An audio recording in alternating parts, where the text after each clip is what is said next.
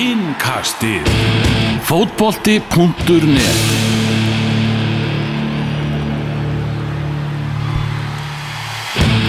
Gott og gleðilegt kvöld og verið velkomið með okkur í innkasti þar sem ætlum að ræða íslenska landslið og allt sem því tengist eftir þetta að tapa á móti englendingum á Wembley í kvöld. Kannski þarf ekki að hafa allt um mörg orðum um leikin sjálfan en það er nóg að ræða í kringum landslið. Ég heiti Elvar Geir með mér Tómas Þór, Þórðarsson, Ingo Sig og Magnús Már. Ætlum að fara yfir þetta allt saman og, og það er einn heilaga þrenna sem að, sem að býður upp á þáttinn, uh, enski boltinn hann er að fara aftur á staðu um helgina. Og þá er þetta þrjú boks sem, sem að þarf að haka við fyrir áorfið það er White Fox sem eru með okkur að, vanda. Svo er það uh, Viking Gildur. Þess að erum að, sjálfsögða að tala um létt, léttöls útgáfuna eins eins og allir vita. Ekki ég. Ekki þú. Domino's Pizza sem hefur verið náttúrulega diggur samstagsæðil okkar til, til margra ára maki á .net. Heldur betur, það eru bestu pitsunar, við þekkið það á bútið nett Já, já, þeir eru með okkur í, í, í slagnum. Þetta er en, en heilaga þrenna. Byrjum á þessu leik. 4-0 á móti englendingum. Ingo, þetta Við gátum voðalega lítið í þessum leik. Já því miður, þetta var svona hálf misefnuð uh, hamfara stjórnun og hérna náttúrulega flestra augu voru á þessu blessaða byrjunarleiði fyrir leik. Svona ég held að það hefði verið svona von bara stuðningsmann að að fá kannski inn feska feska og, að unga og feska menn sem svona við eh, svona eitthvað, eitthvað jákvætt mm. eftir, eftir síðustu tvo leiki. Fengu það ekki, þetta var veginn svona hvað getur við sagt, bjelið uh, gamla bansins Ó, uh, og bara þetta var aldrei spurning bara frá, frá fyrsta flauti, ég meina virka á mann eins og verið bara hálfu áhugaðlausir og vantaði svona vantaði hérna ákefð og, og, og hérna í þennan leik, þetta var bara mjög dabært til miður. Já, talar um, um byrjunleið Tom, augmundur í markinu, augmundur Kristinsson. Ég bara spyr þig, hefur þú einhverja hugmyndu það hver er pælingin, það er ákveðið fyrirfram að augmundur spili fyrstu 45 minútunar og Hannes kom inn á í, í hálfleik. Af hverju þurftu augmundur að spila þennan leik? Hann þurfti náttúrulega sjálfsög alls ekki að, spila þennan leik. Þeir náttúrulega vita kannski ekki alveg Ég veit ekki, það er náttúrulega mjög erfitt fyrir, fyrir Hamren og, og Freysa að taka ykkur ákvörun fyrir næsta þjálfara hver á að vera hérna, næsti landstismarkvörur og ég held að það sé kannski svona hluti af, af stóru umræðinni í kringum þessa, þessa ákvörun þeirra í dag. Uh, þeir einhvern veginn vildu gefa öllum tækifæri, breyttu þessum leik þar að leiðandi enn meiri vináttuleik heldur en hann þurft að vera. Já. uh, var að, að, aðeins að SMS-a við, við ennskan félagin minn. Uh, áður sönn í kvöld sem að náttúrulega bara hann gafti þegar hann sá hann bara markmannskiptingu í hálfleik og eru nú englendingar nógu mikið á móti þessari þjóðadel sko. Og hann fannst við Íslendingar eiginlega hafa sett kirsubyrðið yfir kökuna á, á vondri og betri og súrri kirsubyrðaköku með þessari skiptingu. E, við sáum viðtal við Hannes að eftir leik. Eh, hann alltaf sjálfsögðu vill áfram vera landslismarkur við þekkjum hann allir bara nokkuð vel og, og hann er ekkert hættur frekar en að honum sé sagt að hætta. Þannig að, þú veist, Hamrin og Freysi vildu augljóslega að minnst okkurstu gefa honum mómentið ef að næsti landsinsjálfur allar ekki að nýta kraft á þessa 36 ára að vera 37 ára gamla frábæra markvarar þá spilar hann bara 90 myndur sko. Mm -hmm. þetta er ekki eitthvað krakka fótbolti sko. það þurfti enginn að gefa augmundi eitthvað 45 bara til þess að gefa honum eitthvað 45 annarkort eru þeir búin að taka ákvörun fyrir næsta þjálfara að rúnar sé bara nummer eitt en ok, þeir taka ekki þátt í einhverju umfjöllun og umræðu á Íslandi um það, skilur við hann var bara að vera veluna bara augmund skilur bara, ætlum að lefa þér að fá leik Þú veist, það er bara skýringin sem þið komum með sko. ég meina, þetta er bara lefum öllum að spila já, en, en og, og hann stóð sig ágætlega svo. Nei, það, Þú veist, það er, ekkert- það alveg út fyrir sögða sko. algjörlega, þú veist, við erum bara þetta var svo, ef þú ætlar að, ef þú ætlar að tala um verðlaun, ef þú ætlar að verðlaun Hannes Þór Haldursson fyrir að vera besti markvörður landslismarkvörður Íslandsugunar og allt það sem hann hefur gert þá bara gefur þú hann 90 mínútur eða bara sleppið því sko. Mhm. þetta var alveg, mér fast það er ekki oft sem ég kannski er svona eitthvað voða vókal um einhverja svona eina litla ákvörðin sem kannski á endanum skiptir einhver máli þessi leikur var alltaf bara einhver jumbo samlokur leikur sko Mhm. en þetta var bara svo, veist, ekki gera þetta meira æfingadóti heldur en það var Já, en eins og, já, tölum um ekki Augmundur var flottur í svona leik þess að Já, ég- þessa 45 sem hann fekk Já, hann var alveg maður leiksins í okkur og já. átti flotta vörstunni fyrirháleik Þetta var náttúrulega meira brattan að segja fyriráleik Englendingarna voru nú að opna íslensku vörna meira þá og þetta náttúrulega eftir að Birkir fær uh, rauðarspjaldi þá náðum við nú að þetta ræðna þokkarlega vel. Fótinn skor náttúrulega með skotið hann utan teig. Mhm. mistu Sancho, þurftu mista hann inn fram sér inn á teig og sem skapaði þriðamarki hjá, hjá fótinn en, en hérna, þess fyrir utan voru færin og englendingum ekkert rosalega mörg í, í síðarháleik og sérstaklega með að það voru manni fleiri. Það var alltaf læg en auðvitað kannski minkaði líka ákveðin á þeim þeir fóru að skipta mikið og, og ég hugsa að margir hafa haft það í huga að þeir séu að fara að spila fyrir Tómi sem opnum helgina Nákvæmlega, menn vilja vera í standi þegar ég mæti að merkina aftur sko. Þessi, og þjálfarnir eru kannski. Ef við skoðum þessi fyrstu tvö mörg það var bara ljóst þetta 24 mínútur og það er bara spurningin um það hversu stór segurinn hjá englendingum er þið. Hvernig horfa þessi mörg við þér, Ingo, þessi mark, marki á Declan Rice, gallamarki og svo marki sem að Mason Mount skorar? Sko, það er einmitt þessi mörk sem svona fara svo í töguna á manni og þetta er svo ótrúlega innföld mörk að gefa. Þú veist, þetta er svo ógeðslega ódýrt. Og hérna fyrra markið, þú veist, ég veit ekki þú veist, eitt af því sem, sem þjálfari gerir þú veist, fyrir leiki og, og bara liði fyrir gegnum á æfingu, það eru, þú veist, först leikatrið og, og hvernig þú ætlar að verjast þeim. Og hvernig þetta fyrsta mark kemur er hrikalega svekkjandi og ódýrt og svona veist, við erum að spila, við erum eins og ég sagði á hann svona ykkur algjöru hamfara stjórnun og þá verðum við að vera með þessi atri í lagi. Og vorum í bæði, og veist, mér síndist þetta að vera sko svæðusvörn uh, en samt voru einhverju að dekka og veist, ég átta mig ekki alveg á þessu. Það var mjög skrítið. Já, og Guðlegu Viktor svona eitthvað lítur aft, aftur fyrir sig og, og veist, það er svo að spurja, þú veist, hei, er, er eitthvað með þennan, veist, hann tekur hann ekki og Declan Rice tekur bara strauið og, og hérna og skorar alveg óarættir og við getum ekki verið að gefa svona mörk í, í svona leikim, þetta verður að vera tipptopp Já, já og það er það sem er svekkjandi og síðan svona, þetta annamark er eiginlega bara svona líka hálfsvekkjandi einhvern veginn allt og auðvelt og lengin í teiknum okkar og fá að taka niður og taka touch og leggja hann í neti, þú veist, allt of einfalt sem er bara eitthvað svona sem við bara stöndum ekki fyrir, sko. Já, maður kannski bæta því með fyrsta markið að Jack Grealish náttúrulega ríkalega góður að fiska aukarspörunur og, og allt það en hann er á leiðinni frá markinu þegar Gulli brýtur á hann það var ekkert akkurat. óþara brot ég skila með brot á Grealish þegar hann er komin á ferðin og var að dribla framhjámanum en hann var á leiðinni frá markinu og veist, Gulli ætlaði einhvern veginn að fara að tegja sér boltan og Gulli var nýkominn tilbaka eftir mjög langan sprettu hann átti fyrirgjóðan rétt á undan eða muni eftir þessu. Mhm. mm eina ein fáum sólum Íslandi fyrir áleik og vantalega þreyttur og er einhvern veginn að eldan og fer út með fótinn, aukarspinna og svo enda sér með marki þannig að, veist, að því að fyrstu 20 mynduna voru búin að vera allt í læg þannig, veist, eiginlega voru ekki búin að opna mikið fram að þessu en, en eftir þetta fyrsta mórk kom þá kom mjög erfiður hvað 10 mynda, 15 mynda kapliða sem þeir bara voru búin að tjálta hann á þessu tegin Ef við byrjum að bara rétt að hans og Gulli Viktori þá höfum við líka séð þetta í fleiri leikjum. Hann hefur verið frábær þar sem hann hefur verið frábær. Síðan svona þegar við höfum verið í einhverju basli eins og mútið Belgi úti þá höfum við alveg séð þetta. Hann að fálma eftir mönnum manni hvort hann kann ekki víti á mútið Belgi uh, eða eitthvað svona hann var allan í einhverju ringiðunni í einhverju, einhverju tveimum mörgum þar.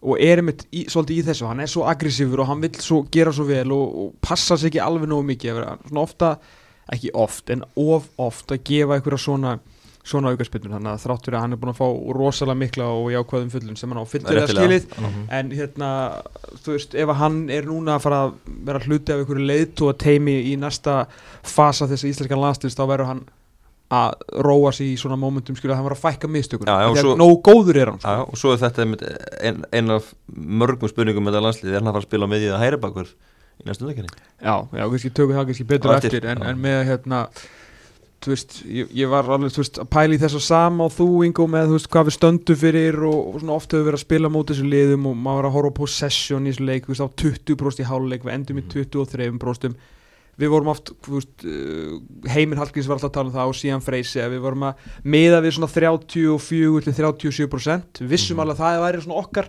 possession en hvað við ætlum að gera við boltan þeim tíma. Mhm. Núna finnst mér oft við með boltan svona en kannski ekki gera nógu mikið við hann. Og sama með föstu leikadröðum við viljum alltaf vera bestir í föstum leikadröðum við viljum ekki fá okkur þeim en við viljum skora úr þeim. Af því sögðu úst, ég, ég var að reyna að vera að geta pyrraður yfir þessu í þessum leik en síðan var það rosa erfitt að því maður bara sér þessi viðtöl við þessa gæja og hvað þeir eru niðurbrotnir eftir Ungverland að þú nærð aldrei upp. Nei. sama hvað þú reynir Mhm. þú nærð ekki upp fullum fókus bara það er ekki sens Það, og meiri þess að strákundir sem koma inn það er alltaf oft sagt þá bara þið vera að koma inn og þið vera að nýta sensin en þeirra kannski gæri í kringu þá eru bara þú veist ennþá fastir á púskasarena Mhm. þú veist, bara, þú veist, þetta er búið að vera ógeðslega erfitt Mhm. þannig að það er rosalega erfitt að fara að taka svona eitt moment ég var brjálæður í ég síðan fekk ég svona skil. smá tíma til að hugsa á bara svona, æ, fuck it, þú veist, þeir er- eru alveg bara þeir eru dauðir andlega núna, sko En það er einmitt málið, þú veist, maður, er- er upplegað alltaf svona, þau var bara gjössalega bensínlausir, sko, andlega og vantarlega líkanlega, margir af þessum mönnum og þess þá heldur, þá fer maður að hugsa, ok, þú veist, hefðu veist, ég veit það ekki, bara uh, spila á eins sprækari mönnum sem er kannski viljúri til þess að sanna sig. það er bara verið eða- 9-0, sko held ég, ég held Já, það já, já, já, ég skil ég, ég, núna er ég bara svona ef að þeir hefur komið að inn og svo var maður, veist, var maður að sjá á Twitter eitthvað fara að henda Ísakinn, fara að henda þessum inn til að gera hvað?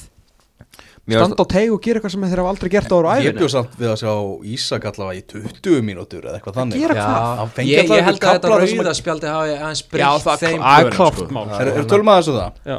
Uh, Samviskulaus, þessi portugalski dómari Hvað er af honum? Náka, Þeir við, við þeir vorum í nægilega mikill brekku fyrir Einmitt, já. það þetta var sko Ísland eitthvað, við erum búin að heilla hérna heiminn uh, Þú veist, við förum ekki yfir miðju Við erum, vorum við eitt að, vorum ekki tvölundir það. Hvað er að þér? Fyrir hvað ertu að reyna að sanna og fyrir hvað eftirlistómara? Guðana bænum maður Bara algjörlega samvinskulega skæði sko. Ja, Fyrir það gjörsamlega. algjör titlingaskítur sko. Þú hleypur til Birkis útskýrir fyrir honum að hann er komin á appelsinu guld lítur svona sterkum augum á bekkin þessi gæði er komin á síðast og hleypur í burtu sko. Fyrra spjaldi var líka var það ekki fyrsta broti í hans leiknum en hann var búin að bara- því og það var svona spjaldi segði ekki en, hann var búin að, þú veist, þeir eru kannski tvö brot og svo bara farin, bless það var eins og, þú veist, það var eins og englendinga var að spila við liða á nummer 150 heimslistanum þegar þetta, þetta moment á sér stað sko. bara slappa aðeins af á já, bara bull bara Mhm. smá common sense sko. Nákvæmlega. Hanna, Phil Foden kom sér hann með, með tvö mörk hérna, hans fyrstu landsliðsmörk fyrir England. Og þú veist, við, við getum kallað Phil Foden Íslandsvinn og ég veit ekki hvað og hvað. En það er alveg hægt að gera það vegna þess að hann spilar sem fyrsta landsleika múti Íslandi sem var leikun á lögatarsvöldi skorar tvö hann skoraði bæði á Íslandi og nú í þessu leik. Já, nákvæmlega. nákvæmlega Og svo skoraði hann náttúrulega líka hann og veit engin hvað hann skoraði heldur oft hérna þegar hann var hérna nei. nei, á, hann? Sögu? Já, hann var, já, hann var á sögu. Hann var sögu. Hann var sögu, það er rétt. Já, það veit, það það enginn. Hann var raðinn. Já, hann er náttúrulega reykjala uppbrukt fyrir hann meðan svona enska pressan er að hakka Mason Greenwood í sig. Já. Þá, þá er Phil Foden núna búin að skora sem fyrstu landsleismörk og kamerundar á honum eftir, eftir leikinni kvöld. Já, ég meina þú veist svo Greenwood er kannski annan mál því að hann verist vera einhver óþættar angið sem að segðu svolítið yfir sig og mætir ekki á æfingar á réttum tíma sem að er, það er kannski gott þegar þú ert búinn að uh, gera skandal sko áður en að vera 19 ára. Það er bara mjög fínt að, að gera það segja hans í brók og, og hérna svona reyna að sjá eitthvað að sér en hann er vist að svona vera að toppa það með að, að láta svona svolítið eins og kjáni hjá Manchester United. Að og ég held að Gareth Southgate sé alveg ágætis ágætis samræðum og samtali við, við Óli Gunnar Solskjör og það sem að stýra þar þannig að hann held ég eigi allt bara allt sitt skili þess að dana en vel gert í fótinn bara hann upp og á, ekki smá góður sko. Svo spilaði náttúrulega helling hann í fyndna vestlunumanna helga leiknum hann að mann setja sitt í vestam á, Já, á lögatarsvöldi heldur betur. Þar fekk hann- alveg Sá er búin að gera gott Hér á á landi. Íslandi og með og Íslandi rétt að byrja fyrirli Toppmaður hvað næst? Hlýtur að kaupa þessu sumar úr sinna Þeir eru fyrir maður sem yfir engunagjöfuna á .net yfir íslenska liði. Augmundur Kristinsson fær 7, Birkjum og Sæfansson fær 4, Sverri Ringi fær 5, Kári Átnarsson fær 6 í engun og stoppum nú aðeins við, við Kára. Líklega hans síðasti landsleikur. Það er heldur betur risastór karakter sem við erum að missa þarna út úr, út úr liðinu ef, að, þetta er hans síðasti leikur sem við getum nú eiginlega bara svona er, ekki sagt 95% við. búin að hvaðja einu sinni. Við aldrei förum- maður veit aldrei í þessu. Við förum ekki upp í 100 sko. Nei, ja, bara með það ekki sko. Ég er ekki bara karakter við erum hverja besta miður íslenska landslæsins frá upphafi punktur. Og það er, þú veist, þetta er ekki lengur til neittnar umræðu margir sem reyndu einhvern veginn að tala í kringum þetta og, og hérna lengi vel. Uh, Það er komið mörg ár sem fólk byrja að reyna að tala hann út úr liðinu? Það er mörg ár, þannig Já. ég held að mann ekki svona hvort hann átt að fara á EM og alls ekki HM og alls ekki byrja á HM og svo var, var fólk margt feið þegar hann var hættur hérna fyrir League og, og gerði skæðastjóri hætti við það, kom tilbaka og kom ykkur næstu því á, á EM og búin að vera bara eh, basically, bara búin að vera ekki basically bara besti varnamaður liðsins í mörg, mörg, mörg, mörg og, líka í dag Já, gaman að Meiri horfa sæ- síðasta leiknum þegar við Já. vorum bara, það var allt undir og, eða ekki allt undir, það var hérna öll spjót stóða á ykkur og minna við áttum, þú veist, það var bara samt bestur Já, já Í- Áttu einu margt til núna líka Já, einmitt Skalli fram, já Ég held að það var að fara inn sko. Já, það hefur verið Það er viðandi eitthvað, maður. Enda á marki á Wembley Það er nú alveg mótt gera það Það sé líka bara gaman að sjá svona rimminur hans við, við Harry Kane sko. Já, hann var nú bara eini maður sem held alveg næstu slagur, því sko. við hann sko Já. Harry Kane er bara veist, líklega besta nýjan í bransanum í dag þannig að að þetta er, þetta er ótrúlega maður sem hefur átt alveg ótrúlegan landslýsferil Hvað hva var hliðið langt á þessum hvað datt hann út? Sex ár? eða Já, eitthvað? Þetta er ógeðslega langur tími sko. Hann ætti að vera átt, áttu ykkur því að Kára ætti að vera með leikja með þetta sko já Ef allt allt væri eðlilegt, já, já. Hann er að spila það lengi og ég menna þetta er lang, spannar langan fyrirlisir en, en þetta hlýðan að eðulegur það Mjög svo sko Hjörtur Hermansson, hann fær 5 í engun Arfið Skúlason fær einnig 5 hann, ég held að sé ennþá út á velli. Við vorum að tala hérna við, við Gumma. Hann er bara búin að vera niðurbrotin bara sit, situr á miðjum vembli Ari Freyr, Ætli að hann sé ekki bara að halda þetta sé hans kveði stund og ætlar að njóta það er mitt pæling. eins mikið og hann getur notið augnabliksins ætlar hann að setja í bláa búninum á, gras, á grænum grasbletti og, og svona horfa á þessa félaga sinna í síðasta sinn? Já, hann er búin að vera bara bekknum í, í Belgíu og svona aðeins að, að, að fjarlægast svolítið startið hjá íslenska landsliðinu. Mm -hmm. uh, Birgir Bjarnason fjórir, það var nú ekkert sérstakur landsliðsklukki hjá, hjá Birgi Það er bara lélögur, Já, bara lélur því meður Já. Uh, Hann þarf bara að fara að spila með félagsliði Já, Millir þar sem hann er að spila fyrir landsliði sko. Það væri sniðut sko. Ég, hérna út af, veist, hann er svona einn af þessum uppáhaldsmennum þjóðarinnar og bara svona leiðilegt að sjá veist, sá það virkilega sko hvað hann er í engu leikformi og svona, e, þú veist, oft hefur hann komist upp með þetta en einhvern veginn núna þá einhvern veginn var þetta ekki alveg nógu gott hjá hann það sko. er bara allt annað að vera 25 ára heldur Já, en, þú veist, nákvæmlega. 30 og eitthvað sko. Ég meina.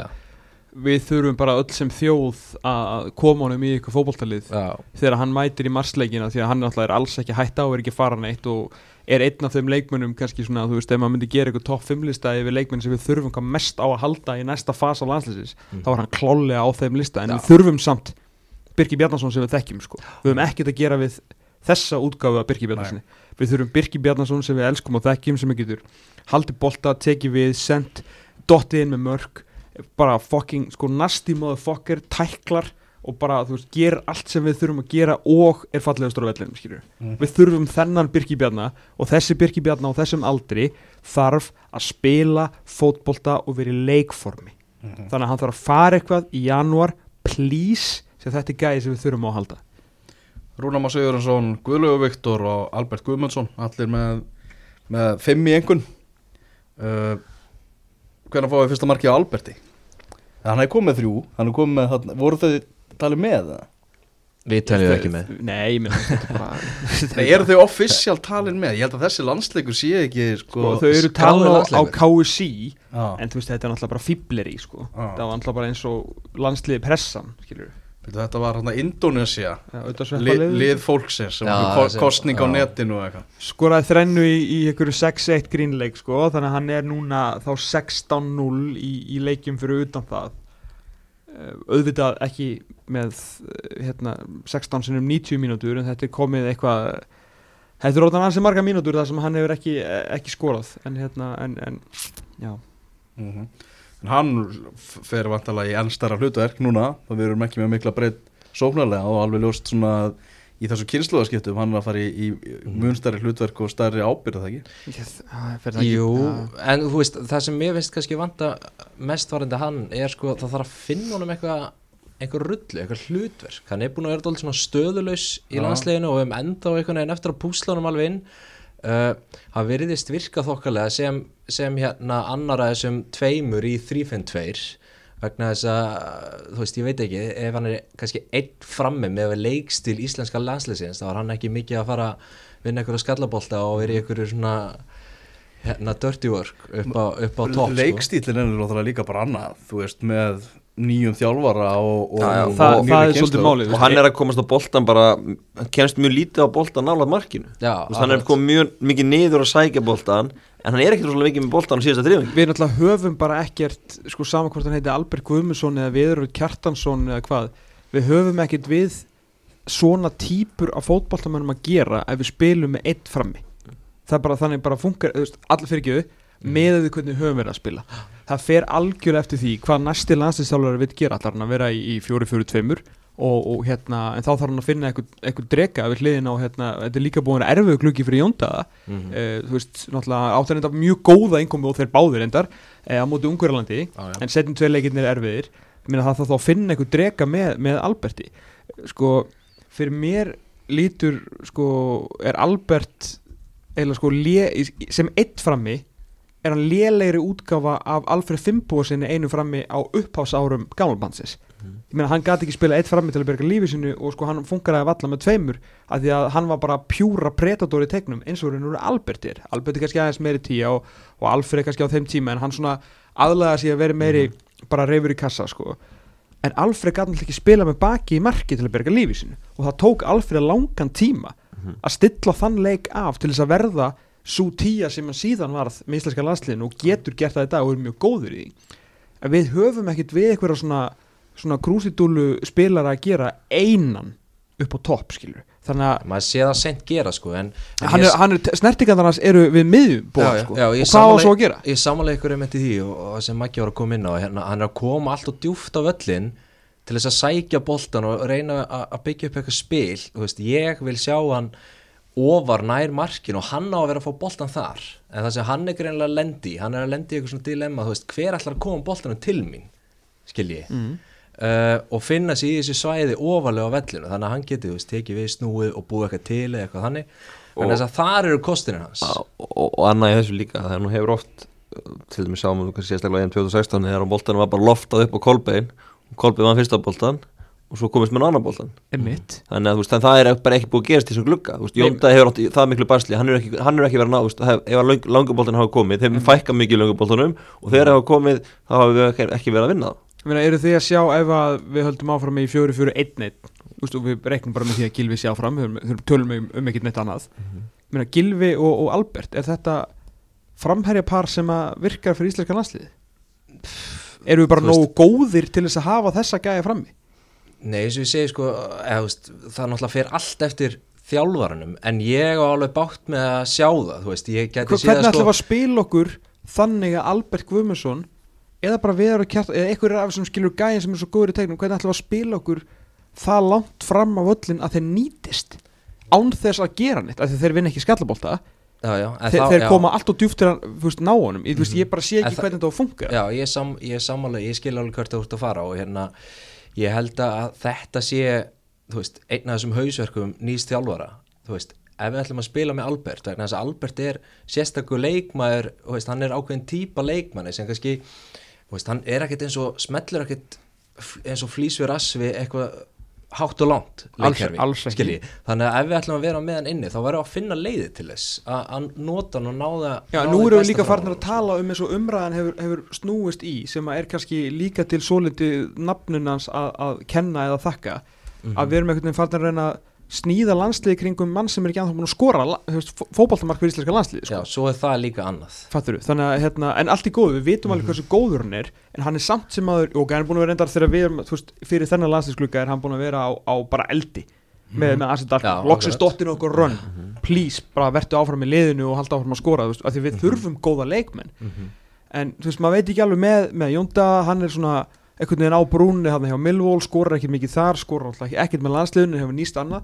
Þú veist, kannski bara 3-5 kannski Mhm. næsti landslið þurfa að horfa á þetta landslið bara 3-5-2, við erum með alveg nóga, nóga miðvörum, stórum og sterkum strákum, Já, skilju, já. kannski er bara best að vera með tvo frammi og hvernig sem að það virkar, skilju annað, annað í, í því líka er Holbert, ég menna kannski glemma, Holbert, glemma honum, það er hann drengið sem getur verið með honum frammi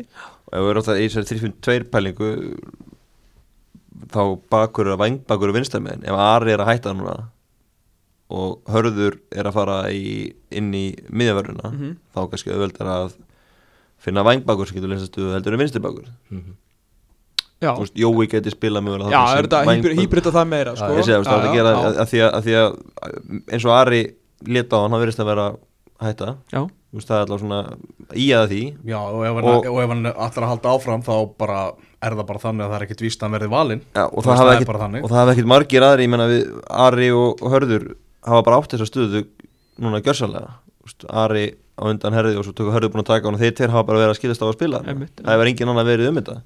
Og Spötti Löpp er að spila í Pólandi. Gummi Tóta. Gummi Tóta er bara að spila í Bandaríkunum hann, hann spilaði vangbakurinn mikið með. Norrköping og sló í gegn að þetta er þá kannski að göra sem geta að fara að banka á dinnar ef Ari er þetta út. Mhm. Jóndaði Böðvarsson, uh, hann var fjóra í þessu, þessum leik. Og já eins og við töluðum um líka bara maður er frólægt að sjá í hvað hlutverki Jóndaði verður hjá nýjum landslýstaluna Ég, ég held að við séum bara ekki nógu ríkir af, af miðvör, ef fyrir ekki af, af hérna, framherjum til þess að hann verði í einhverju minnalutverki sko. Nei, ég er saman því. Uh, en, en ég, maður er svolítið spenntur fyrir Holmberti á, Já, hérna, á, á stærra sviði.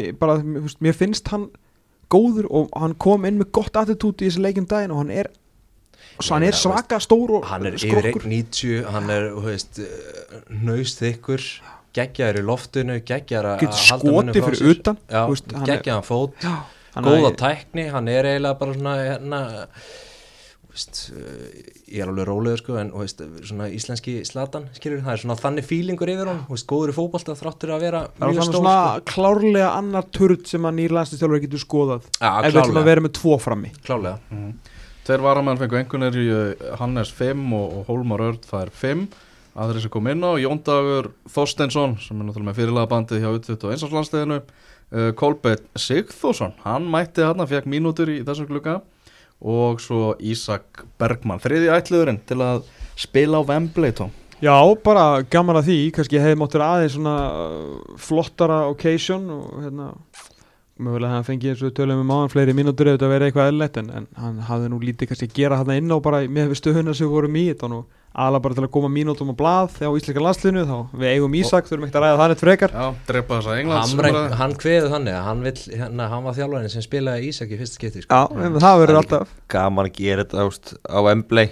Það er 20 ár frá hann- að hann- við vann hann Já, ef hann fer í hæstu í framtíðin að geta s- nuttað þess að upp innlendingunum þannig var þetta ákveð hann er en- íslendingur ekki englendingur fyrir fram að þá. Já, það er líka skemmtilegt. En hérna líka fyndið að við erum að tala um að september í fyrra þá var fótballtabulinn með vítakefni fyrir landsleik Íslands og Moldovi held ég. Og þá var hann að taka þátt vann við það? Nei, vann ekki, sá, þá vissum maður hver þetta var. Hann ætla ekki að byrja að spila með Nordsjöbing þú sást strax að hann hafa mikill hægilega en góða spinnur, frábæra vítaspinnur, hann og, pappa sem þetta, Jói Kæli var líka með, Já, ok. Fóru báði mjög langt, unnur þetta ekki, klikku nýjundu spinnu báður eða eitthvað sliðis Já, og mikil keppni þeirra á milli en hérna, og maður sá náttúrulega frábæra vinstir fótur og allt þetta, en, en þetta er rosalega skrein gæðinu tekið einu ári þarna var maður svona rétt að vita hver þetta var þannig að komin í jú, bara þetta er, við sem maður fyrir út og allt þetta, mhm. Pæli í árunni á gæðinum, já, bara búin að eigna sér sænsku úrasteild og spila mútið Englandi á Wembley í kvöld, þetta er rosalegt. 17 ára gammal Þetta er alveg saga, þetta er alveg það þetta það var, það var ekkert í kortan þannig að maður myndi sko þetta til hugar að hann myndi spila landsleik árið síðar. Ég, ég glemdi kannski einu nafni þarna í, í umræðinu um, um tank upp á topp og kannski skrítið að maður skildi gleyma nafninu því að eftirnafnið er svolítið frægt. Já, akkurat, það er svo annar. Sveitn Aron. Svona ég veit að hann er náttúrulega ekki að spila mikið náttúrulega alveg dottin út úr myndinni hann hjá Obi og félagslega fyrirlin gengur ekki vel en hann er að, að raðin með 21 og er engin smá póstur í því liði.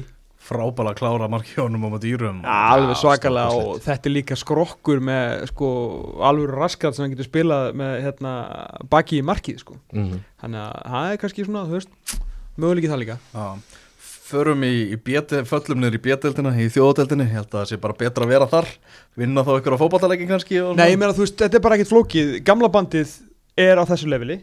Mm. uh, það hefur ekki spilað marga leiki í þessari þjóðadeld það verður að segjast. Mhm. af öllum leikjum þjóðadeldarnar bæja tímbilin þáttur að Heimir Hallkins hafa ekki talað um annað en að Nei, ég, ég ætla, Hann ég ætla stopnaði hann stofnaði hana, bjóð hana til en glemdi að senda bara gamla bandi til leiks. Já, það er eitthvað mjög fyndið að það hafa skapast einhverjar umræðar og sögulinn núna um það. Ég veit hvort við ætlum að koma inn á núna eða eftir að það er allir einhvern veginn að vera að draga í dilka núna sko hvort þú sett Lass Heimir eða Hamren maður sem að svona, þú veist, umræðan fyrir ofta mjög skrýtna staði hérna á Íslandi.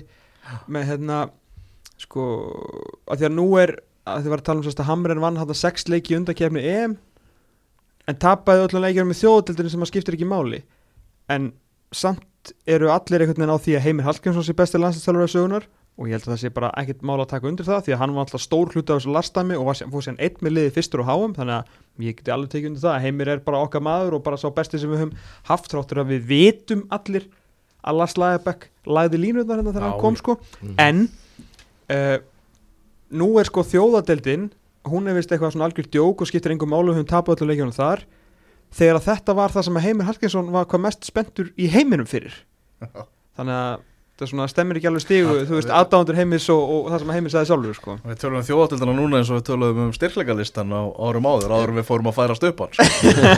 Það er þannig sko Einmitt, þannig hérna, já, þannig að ég, svo þetta lið, bara það skil með öll þessi meðsli og það að við getum ekki spila allar sem líkja, þá erum við bara bjöldalda lið og það er bara allt í lagi. Já, já, það er flott Það eru flott lið í þessari bjötild Já, sko og við getum alveg bara komist upp úr henni líka. Já, aldrei að vita Herðan, hérna, við erum búin að nefna svona ímis, ímis nöfn Hva, Hvaða leikmenn sjáu fyrir ykkur að verði Já, hreinlega bara byrjunulismenn í næstu undankeppni HM sem að voru ekki, ekki byrjunulismenn og hafa ekki verið í gegnum ári núna Sverri Ingi mm. Mm. Kári er að kveðja. Mm Rúnar Alex er, er líklegur. Já, Já, Já, er það, ég sá ómyndi markinu í kvöld, ég veit ekki neitt lengur sko. Nei, Rúnar Alex uh, eru við hérna, það var nú gaman. Ég, ég sá alveg í þessum við hverja var út að spila hérna um daginn. Ítalíu. Já. Sá alveg af hverju Alfons er kannski ekki búin að fá startið með alhansliðinu, hann er kannski ekki eitthvað bestur í heimi að verja að stenda að spila náttúrulega bótt og glimt æfintýralegan sóknarbolta sko.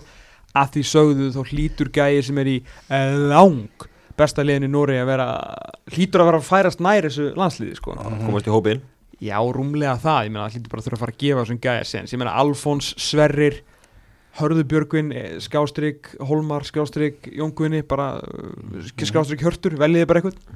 Uh, og hérna, en ég hef ekki hugmyndu hverju vinstir bakur, verður ekki bara Hörður að vera áfram þar Já, það er spurning. Ég, ég held að, þú veist, ég held í sannleika sagt, þá, þú veist, það eru eins og er, höfum aðeins rætt, þú veist það er einhvern veginn allir svona núna býða eftir að vera eitthvað svona stóru kynsluáskipti og það náttúrulega hefur verið mikið í deiklun en ég held að þegar við mætum til leiks í mars að þetta verði kannski einar tvær breytingar á, á byrjunliðinu sko. Kári sagði að við fjölmjölum en þetta maður grátbyða mennum að halda áfram. Já, það var mjög skrítið viðtali á kármennum ég, hérna, við þurfum ekki að grátbeða mennum að spila fyrir landslið sitt. Eða vilja að þá bara gera það. Og kunnum við þeim bestu þakkir. Við elskum þess að gæja, sko, ég ætla ekki að grátbeða um að gera neitt. Uh, ég veit bara að, að þeir munu mæta hvort sem er. Ég þarf ekki að beða um neitt. En ég meina þetta eru þú veist, þrítuðu mennskilir á, á hérna er háum í katar Háum undir í. Katar eh, eftir tvö ár eh, ég meina þú veist af, af gamla bandinu hérna Aron, Gilvi verða þarna áfram. Uh, Alfred já, ég býst ekki við öðru, stutt í þetta ég meina hann hefur átt í með, meðslavandræðum vonandi Jói. Vonandi Jói. Bara loka síman með Sjón Dæs svona millir sem að hann fer í verkefni.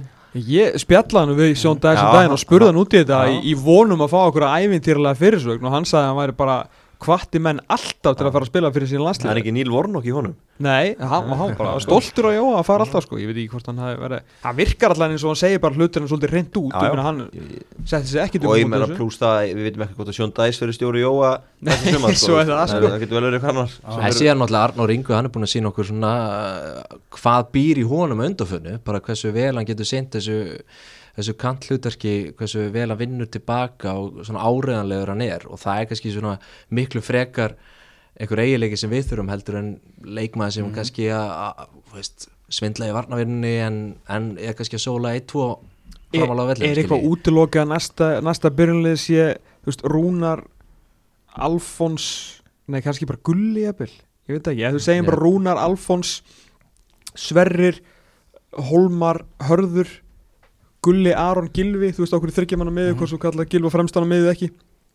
Uh, Jói Berg og Jóndagur eða eitthvað, þú veist, eða Birki Bjarnar jafnvel bara, Arnór Nei, Sig. Þetta er ekkit það er ekkit að fara það er ekkit að fara að gerast sko þannig til í mars. Nei, Ísak Bergmann, Jóndagur Mikael, Róbert Orri og Patrik verða ekkert í byrjunleginu í mars sko. Nei, ég held að og það er enginn að kalla eftir því sko Nei, ég held nefnilega að, að það sé einmitt málið að veist, þetta verður ekkit svona eitthvað, drastiskar breytingar.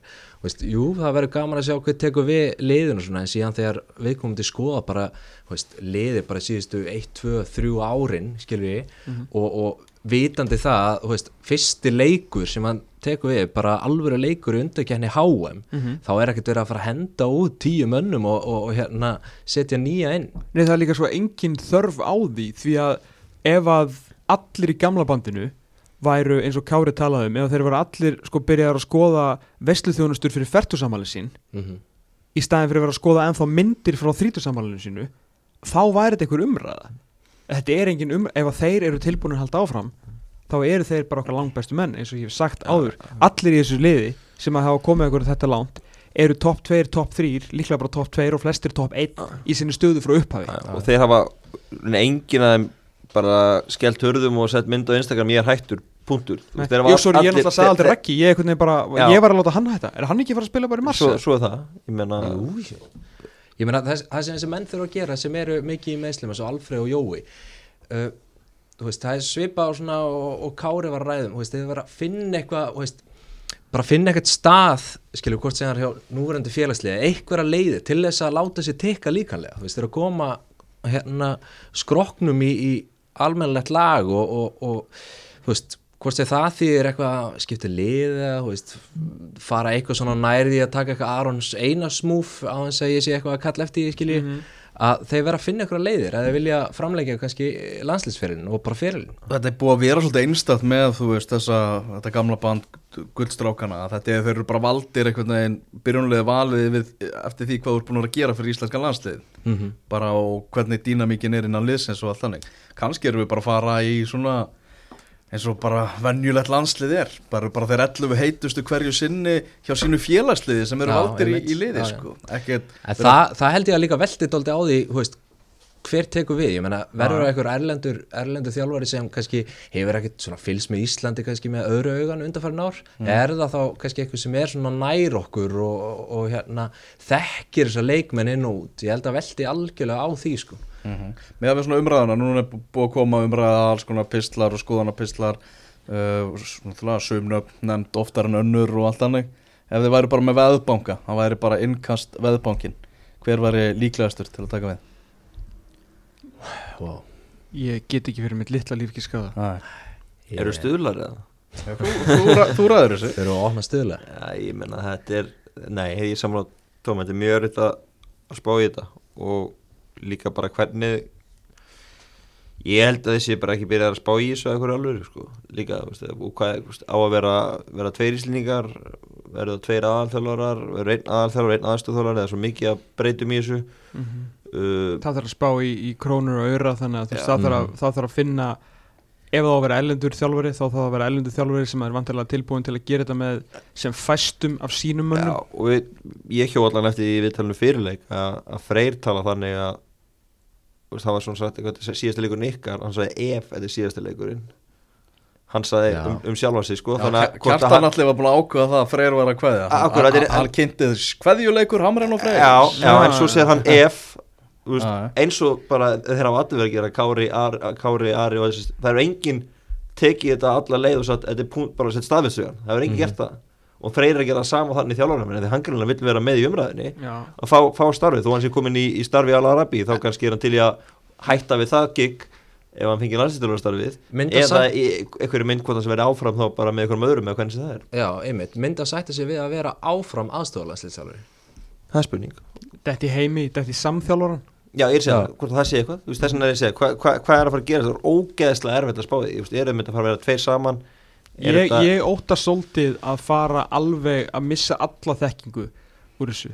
Þú veist við fórum úr Lars fórum úr Lars og heimi í Lars og heimi í heimi og Helga Kolviðs. Skilur og Freyr með Freysa í, í djúft inn í teiminu. Já. og síðan heldur Freysa áfram. Ég, ég held að við þurfum svolítið sérstaklega við erum að missa karakter eins og Hannes og við erum að missa uh, kannski Ara og, og Kára og, og kannski einhverja fleiri til þannig að hérna svona til að halda einhverju svona continuity á svona gildónum og fyrir hvað við stöndum Mhm. að þá hérna ég allan að vil mjög mikið hafa að freysa inn í þessu einhverju leiti saman hversu mikið það er, saman hversu mikið hann vill vera þannig að ég held að, ég held að sé líka bara svolítið mikilvægt sko. Mhm. Svo eru bara líka fleiri betur í þessu tölum þjálfara teimi því meina er ekki með sænska markmannstjálfara með sér? Kemur nýjum markmannstjálfari og hann eitthvað skoðun á því hver á að vera í marki síðan? Mm. þú veist, eh, það getur skipt máli þegar að hver eru ráðin í þástuðu þannig að þetta, er, þetta eru margar, margar breytur. Verður það Íslendingur eða erlendum margmannstjálfari og svo framvegir sko ég bara, ég, það sem ég óttast að, að sé ekki í gangi að það að sé enginn byrjar að pæla í þessu Hamren segir í viðtælinu í gæra á Master Minus One að hann sé búin að ákveða fyrir löngu að ef að Rúmeníu leikurinn veist, ef hann segir hann er búin að ákveða fyrir löngu og hann ákveða fyrir Rúmeníu leikin að þá er hann búin að ákveða þetta fyrir 8. oktober þú veist það er hvað, 16. 17. Átandi 18. november í dag þannig að það er langt síðan að hann ákvað að hann er ekki áfram ef efinn draumur myndi deyja sagði hann einhverjum frá þessu það er góð að vissi Guðni- veist, er eitthvað plan B eða plan C farið á stað eða er menn bara þú veist svo einhvern veginn lukkuna kátir að vera í þessu verkefni veist, við verðum að hugsa lengri tíma strax e- allan ef það var möguleiki sko. og mér finnst samt líka svolítið lélegt ef að Hamran hefur ekki allan að láti bara guðna einan vita þannig að hann, hefðu getað farið aðeins að horfa eitthvað í kringu sín sko. því að menn þurfa alltaf að hafa vaðið fyrir neða sig það var ekkit gefið að værum að fara á þetta mót sko. og líka bara stutt í undakemni það er svolítið málið þú veist, 30 bara undakefni spiluð í mars. Já, það er þrýta leikdagar sko. í alvöru já já, það er bara svo núna. Það er skiptir þrý leikdagar í heilmiklu mars. máli, sko. Þannig að, þú veist, hann- nýr landslýþjálfari fær hérna tvær eða þrjár fótballtæðingar og svo er bara 30 bara undakefni spiluð á einu viku. Gjör það svo vel. Og þá bara getur við bara verið búið. Og hann má valla sko ferðast í Evrópu eins og staðin núna til að fara og hitta menn og Já. þú veist, hann er bara Það að fara er- að skoða. þú veist, það þetta gerir eiginlega ennþá me, sko, meiri svona mikilvægra að freysi verið áfram já þe capacity, þetta er ástæðan fyrir því að ég held að veri hérna, íslensku þjálfari. Vegna þess að ég er svo ógeðslega stutt í þetta það þarf að undirbúa leikina. Það verður ekki í, trúu gefur íslensku þjálfari. Íslensk tvenna. Með freysa þá að já, freysi er ekki fara að vera samþjálfari eða aðstofþjálfari neins íslendings út og glimti Hann er aðstofþjálfur heimis Hallgríms hjá íslenska landsliðinu. Og hann er þið aðstofþjálfari heimis Hallgríms ef þeir myndu vera saman með Al-Rabi og íslenska landsliðið. En það er ekkert að fara að gera sko. En veist- Heimir Hallgrímsson kom allt í umbræðina sem ég kunni vel að metta því að öll elsku við hann og hann kunni vist voru svo vel á fjölmila og pakka okkur alltaf saman. Uh, fyrir utan alltaf hann vann líka alltaf fótballtaleikina sem er líka mjög fyrir út að þjálfa fótballtali að hérna uh, man enginn hvernig þetta endaði eða Það er bara- akkurat haldið málið þið sko. bara, þú veist bara stríðsöksin sé bara grafin og allt í góðu? Já, Heimir hélt sér blaðamannafund hann var svo pyrraður til guðuna til að kvæðja íslenska landsliði sko. hann vildi ekki hára á hann sko. Eh, ég held líka að hann bara líti á sitt legacy, þú veist þannig hann gerir þetta með landsliðinu af hverju það völdin líka hann, valla vann leik með Alarabi samt sem áður eh, bara farin að kaupa hvert sem hann vill og fær nýja aðstóð þjálfara og ég veit ekki hvað og hvað hann er þetta að rétta við skútun núna sem er vel. Hann er ekki að fara að rugga einhvernum bátum með að segja hérna, herru, taka íslenska landslið hérna samhliða. Þú veist, nei, nei, það er aldrei að fara að gerast. sko. Ég- það Nei, er líka, að þeir eru alltaf að spila í kata, þeir eru landslið fyrir utan það. Hvernig er byggarúslitin hjá Al- Al-Arabi? þau eru hérna í mars þegar við vorum að spila. Ofan í það. Herra Erik Hamren uh, Hveðjum, hann gefur honum engun fyrir hans uh, starfstíð hjá íslenska landsliðinu Þetta er eitthvað sem er búið að vera svona mikið í umræðinu á Já, kaffistofunum og heldur svona. betur er bara, þetta er tilfinningamál sko. Já, hvernig, hvernig hefur Sko, þú er eiginlega að svara mér einu af því Já. að nú fór ég í mörg ekki, kannski ekki eitthvað mörg próf, jú, jú, bara þú veist, próf þar til að að vera í skóla Já. uh, Sko þráttur að ég hefði mætt með lepp hm, og haldur í starfræðapróf Já að þá er ég samt bara dæmdur út frá prófunum, við mhm.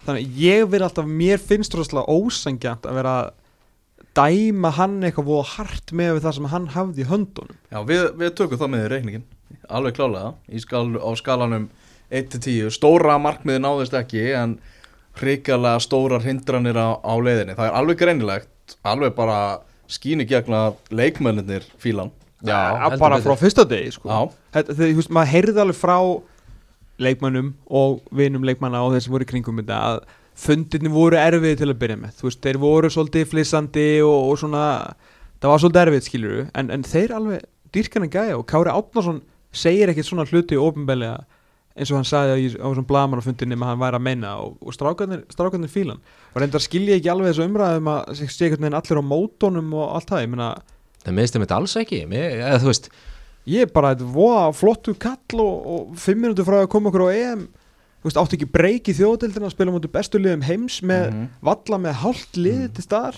Mhm. Mér þætti ekkert svo galið að reyna eitthvað að, að hérna, tala hann til sko en þú veist, út af að ég held að það væri ekkert Nei, að því að hann er búin að ákveða fyrir löngu vil ég ekki sjá hann sko Já, já, ef hann hefði já, haldið ég þessu skil opnu það. núna þá, en, en ég En hef þú veist, bara ekki eðlilegast væri að hann myndi bara halda áfram og taka hérna HM með undakennina með trombi og við búin að síðast á COVID ég, og ég, alltaf ég, frétta sko. ég hef viljað það Já, ég menn að þegar við farið á EM þá hefði hann alltaf tekið undakemna að sjálfsögðu Það liggur hugum í beður, Einmitt. byrjar í mars þannig að það er alltaf verið þannig Þetta var bara þessi En leikur sem að er hann ekki sexa? Jú. Þú veist, ég meina Ég held að það sé bara var veist, stóru töpun eru stór og þau eru ljót skilur Já, já. þannig að veist, þetta var eitthvað sem að gerist aldrei áður en Albanía, Svíður, Tyrkland var frábær sigur heima Mhm. Jættið blúti í Tyrklandi hefur aldrei, veist, það var alltaf, átti að vera alltaf læg, skilur it sko Já, en, veist, úr því koma var það alltaf ekki, en, en hérna En síðan Svo ég menna, ekkert langt frá þér, Jættið bleið frakkar en heima. Með hvað, 1-0 eða ekki? 1-0 1-0 og víti. í lokin sko. já, einmitt, einmitt.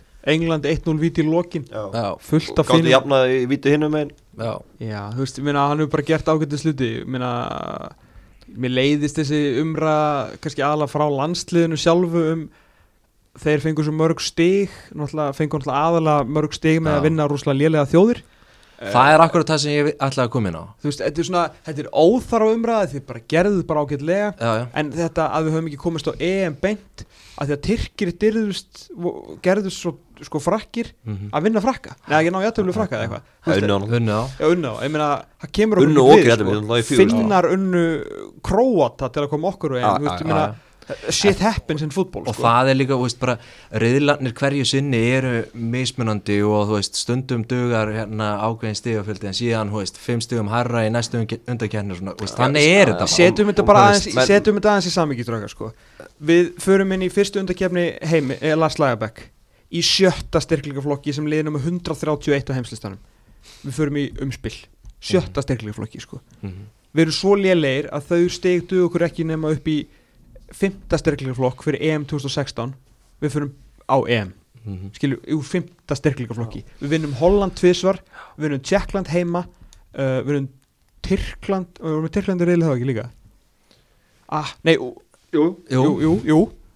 Uh, já, og, og við töpum fyrir Tyrklandi úti á aukarspytu á 90. mínútu leik sem skipti ekki máli já. þegar við vorum farnir á EM þú eru tvei leikir Já, eftir við veist að vera að setja upp sko að Lalli vann sex leiki Já, já. og Hamren vann sex leiki Síðustu tvei leikina skipti ekki máli Já, Mhm. nákvæmlega og Og- Hamren vann náttúrulega sko Lalli vann sex leiki úr fymta styrkleikaflokki Þetta skilaði okkur upp í sérst, annan styrkleikaflokk fyrir undakefni HM 2018 heimir einmiliðið þrátt fyrir fyrir öðru styrkleikaflokki fekk hann algjörlega bilaðan riðil hann fekk riðil með þremur liðum aukalega sem hefði öll verið á EM þannig rétt áður. Já.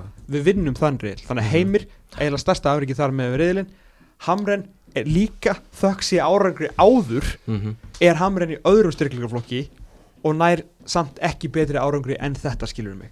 Þannig að þú veist aðeins skilur verðum að setja hlutina í, í samingi að Hamren byrjaði í mjög góðri stöðu út af því sem hefur verið gert áður Já, já. en, þú veist, muna ekki miklu og ég menna, þetta með styrklegaruna skiptir líka mjög máli, ég menna þegar að að- þessi rill, ef Lars um talar um þá hérna er Ísland að skilja Holland eftir í fjórðarsæti mm -hmm. í síðast undakennu var Albani í fjórðarsæti Mm. það er smá munur þar á. Holland og Albani Er Þannig að það ímislega vákvæða mikið á spurningamörkum sem tengja þessu ágæta landslið okkar uh, Förum yfir í undir 21 ás landslið okkar Því að þar eru skemmtilegi hlutur að gerast. Uh, Strákanir eru komnir, ég ætla bara að fullera það. Þeir eru komnir á EM eftir þennan segur hjá Ítalíu á móti, móti Svíþjóði í dag. Hvað bara- þarf að gerast? Það þarf bara að koma stimpill frá UEFA bara það, um það að Armenia strókast út. Vegna, Kemur á- vegna þess að þeir fóru í stríð við Ase- Asera eða eitthvað. Já, þeir eru bara í, þeir eru ekki herskildu margir það ekki mætt til leiks. og hvað þá? Og þá telja samt stíðin gegn að þá verður þetta fimmlega riðil eða? Já. þetta bara en, en, en það er hvað sem er núlað út sjöttalið í Já. Já, þeir eru ekki sjötta setið Jú. Nei, þeir fara sjöttasættir náttúrulega þeir eru, ef við tapað 3-0 og dæmdir ykkur nefnir leik þeir, þeir mættu heldur ekki til leik sem helgina Þeir, þeir, spila líka um eru í femtasætti núna en Já. færast Ah, sjötta þeir verður bara flauta úr leik og já, endilega. Og þá hérna, það bara fyrir við og það verður gert í sig ekki það er bara langur rökréttast í Nei og stöðunni það er ekki, ekki heldur riðlakefni í mars, hvernig ætlar að spila þessa leiki? Það er ekki, ekki Maggi þess. útskýrir nú aðeins fyrir fólkinu í landinu hvernig EM undir 21 ás Þetta er síðastur við fórum þá fyrir 10 árum síðan Já, að þá uh, voru allir bara sko þurftu að halda um vömbina þeir hlóðu svo mikið að gleði hérna í, í Danmörku, það var svo gaman. Mhm, en þá Já. var þetta líka bara eitt riðill með fjórum fótballtaliðum já, og svo voru bara átta, eða undan úrslitið eitthvað, skilur við já. Þetta var einfalt, en hvernig er þetta núna? Núna er þetta þannig að út af COVID þá náttúrulega er EM næsta sumar og þetta móti líka og þeir vil ekki spila þetta ofan í hvort annað þannig að til að gangi allt saman, allt saman upp tímalega séð þá er riðlakefnin í út og einslanmótinu spilu í mars. Spurning, á einni viku.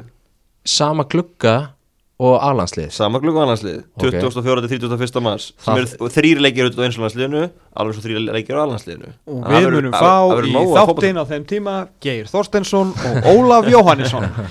Það verður nóg að leikjum, þetta verður rosalega vika. En hvort, hvort hérna strákarnir sem gera tilkall til þess að vera í alansliðinu hvort verða þeir að spila á lokakenni EM eða í undakenni HM og það, Bam, bam, og það sem bam gerir þetta rauninni skemmtilega líka ef við erum að tala um þrýr leikir á einni viku á allandsliðinu Já, það þarf að velja stóran hóp það verða afföll, það verða meðsli Við sendum bara undir 19 ára lið okkar í svo getur verið ekki sem er gaur Um 19 ára liðar að keppa á sama tíma líka. Að fyrir svo er, svo er gaur sem er í, í löglega tvöðslandslið, fer í allandslið er á bekknum. Og hvað verður sagt ef hann kemur ekki inn að fyrst tveinleikjum með allandsliðinu? Það verður alltaf vittlust þannig að þetta verður mjög áhugaverð sko, um að hana í, Við hefum ekki nóg marga leikmenn í þetta. Nei, svo Ég held bara að við þurfum að taka hérna það ákveðið taka svipa, svipa á normennir er að gera með að fá bara stækka hópin, bara með alls konar mönnum. Já, þetta er, já, þetta er mjög mjög skýðin staða. Ég meina við vorum með elsta- Arnór Sig var eini sem var e, Sem var- jú. inni núna. Já, já, hérna og Mikael Nevel Mikael, neitaði að mæta. En hann var alltaf ekki valin í annarslið Mikael Nevel og neitaði að mæta mjög einum en ég veit ekki alveg hversu vinsat hann verður þegar hann ætlar að mæta sér í mars Nei, Við, við leiðum hann bara að velja hvort hann en, en, en spurningin eins og það er svo uh, ef að ef, að að fara að breyta eitthvað annarslið og eitthvað er þetta út hvernig, og ég meina við sáum líka núna að komið fimm úr í þriðarleiki núna. Þetta eru þrýleikir í mars líka. Mhm. þó nú þarf það að hafa stórun hóp. Og það er að velja alveg 25 6 manna hóp til að ráða þrjáleiki inn í vikum myndi ég halda Er ekki eina lausnin bara að aðlandslistjálfari en hann á bara að vera í forgangi Já, þú veist, Jú, allir, það, það, það verður ekki auðvitað. ráðinn hér Það- það- erlendur landslýstjálfari og sagt við hann, já, heyrðu, by the way, hérna, f- 30% af mótunu sem verður spilað, þá getur ekki valið alla sem þú vilt, Já. af því að við erum á, hérna, krakkamóti líka. og, Nei. og, líka, og líka staðan er svo allt önnur heldur en síðast þegar við fórum á og loka keppnu 21 ás því að þá var allandslið okkar ekki að gera neitt Akkurat. nákvæmlega ekki neitt. Þannig erum við bara í upphaf þú veist, við ætlum að háa með Katar sko. Já, já, sjálfsög, já, já. sjálfsög. Og þá hlýtur það bara að vera í, vera í algjörum, algjörum forgangi. Já, með þetta er líka að því við vorum að tala um á hann að, breytingin verður ekki það mikil. Þannig að þú veist, uh, mögulega verður hérna, kannski verður Ísak Bergman ekki einu svona ennþá orðin einhver reysa hluti og þá getur hann bara verið þarna Já, og reynda að hjálpa þessu liði til að gera einhverja hluti og, og koma honum á stórmót. Eh, meina, ég myndi ætla að er Arnór Sig löglegur á þeim móti eða? já bara allir sem eru já, All- allir sem eru, já. 98 og 98. yngri, já. Ég meina, það eru þrý, það eru þrý fjóru mánur í þetta sko. 98. Ég meina Arnór Sig bara- verður öruglega með okkur, kannski Jóndagur Með uh, okkur, þú heldur ekki myndið á einum, þú heldur bara með Já, ég verð enda veikandi, ég hef aldrei haldið mynd 21 Nei, tjók, nei, hérna Þetta verða, alhanslið mun, mun ganga hérna fyrir og vantilega munu hérna samt er enda svona yfirmaður knassbyrnumála hjá knassbyrnusamband, eða fyrir ekki knassbyrnu sviðis náttúrulega, áhugaðri stöðu. Er í áhuga verið stöðu hann náttúrulega getur svolítið sett tónin Já, já. Hann tekur þá ákvörðan að allir fara með undir 21 Nei, nei, mér nema hann verði Nefn að í Alhanslið, alanslið þá fara allir í alhanslið Nei, því hérna þetta er samt eitthvað sem verður að leysa bara sem fyrst, ég með þetta þarf að vera í, í díalógnum við næsta alhanslistjálfara já, já. Já. það verður alltaf ekkert eðlilega að fyndi að við spurjum hann á fyrsta fundi hérna Flimmi Hoppesen eða einhvern skandinaviska þjálfur sem mætir hvort hann búist við að vera með allan hópin og svo verður Guðni svona glemt að ræða þetta. Já, en Já. aðlandslið mun alltaf gága fyrir þarna þetta er, er allt og mikilvægt sko, en það verður, þetta U21 ásmót verður líka veginn svo skrítið að vera með þetta svona tvískipt þú veist, reyð, mm Mhm. þau sem að keppi í reyðlakefninni líður þeim eins og þeir séu á stórmóti? Þeir eru miklu meira einhvern veginn í millirriðli Nei, já, og já, Já, svo byrja akkurat, um sumarið Já, sko. líka það er ekkit eins og þegar að en verður það ekki bara úrsláttakefni Jú, áttarúslit bara undanúslit úslit, allt spila inn í viku þannig að móti tekur viku og viku og það er engin aðdraðan heldur. Munum utan eins og þetta síðast það æfði saman á Íslandi Já, og já. veist, það var svona það var storm þættir og voða friki gaman. dórgerði lag og voða stemming. Leiðin á stórmót? minna. Já, nákvæmlega. Samina minna en minna veist, núna er þetta bara tvær æfingar og svo út á völl. Þetta, er, ekki sami og fílingur gleymu því ekki að, að auðvitað viljum við fara á heimsmeistaramótið í, í, í kvartar 2022 því að það verður bæði áhugavert og gaman og allt spilað á saman blettinum og bla bla bla jóla gaga en við þurfum líka svolítið á perinum að halda sko. Já. þannig að næsti, hvort sem að Guðni verður áfram formaður eða næsti formaður hann ætti nú að uh, leifa næsta landsinstelur að geta bara valið sinn allra, allra sterkasta hóp því að þetta er ekkit eðlilega mikilvægur mánuður þarna. Já, auðvitað mó- móti spilaði í Ungurlandi og Sloveníu þannig að það verður þetta var til Budapest. Það er ekki spilað já, í alla mjög, mjög jákvætt að hérna við getum alveg vanist í að fá hérna á tíu ára fresti undir 21 í lókakefni svona Það er bara hérna, mjög fínt. það er bara svona fínt helviti gott, millibil sko. bara. Já, það var svona passlegt upp á veist, þá erum við að mögulega að fara að búið til nýtt lið og svona. Einmitt, þannig að veist, þetta er kósi bara, má halda þessu áfram. Það er þannig. Herðu þeir ekki bara umræðabankin tæmdur hjá okkur að þessu sinni, minnum á útastáttin á, á lögadaginn Herru, við meðum fá gesti. Megum fá gest ef við viljum. Hver er fyrsti gestur eftir COVID-3? Veit það ekki, mér bara að fíla alveg símafílingin sko Já, minna, maður þurfum minna að klæða okkur náttúrulega. Já, rétt. Minna fyrir svona. Já, nákvæmlega. Það- kemur í ljós. kemur í ljós. Já. Eru þið bara takk fyrir kvöldistrákar Já, takk fyrir. þess